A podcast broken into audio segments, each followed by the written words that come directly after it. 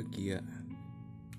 Rasa yang dihadirkan Tuhan pada diri setiap insan. Lalu apa sebenarnya makna dari bahagia itu sendiri? Seperti rasa manis yang dirasakan indera perasa Seperti itulah rasa bahagia.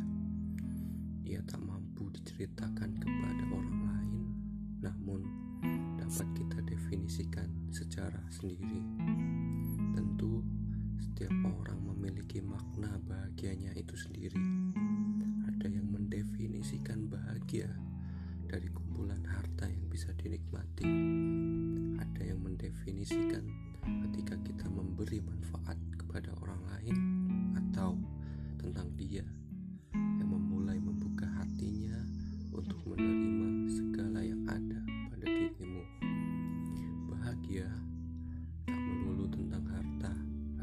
juga yang hidup bahagia walau secara sederhana. Bahagia tak melulu tentang berbalasnya rasa, tapi ada bahagia walaupun tak pernah mengungkap rasa.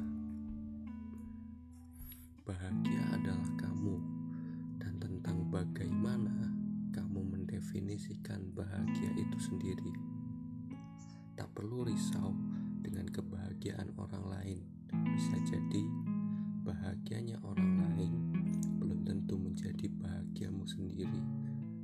itu, berbahagialah dengan apa adanya dirimu dan berikanlah kesyukuran pada yang Tuhan beri padamu hari ini.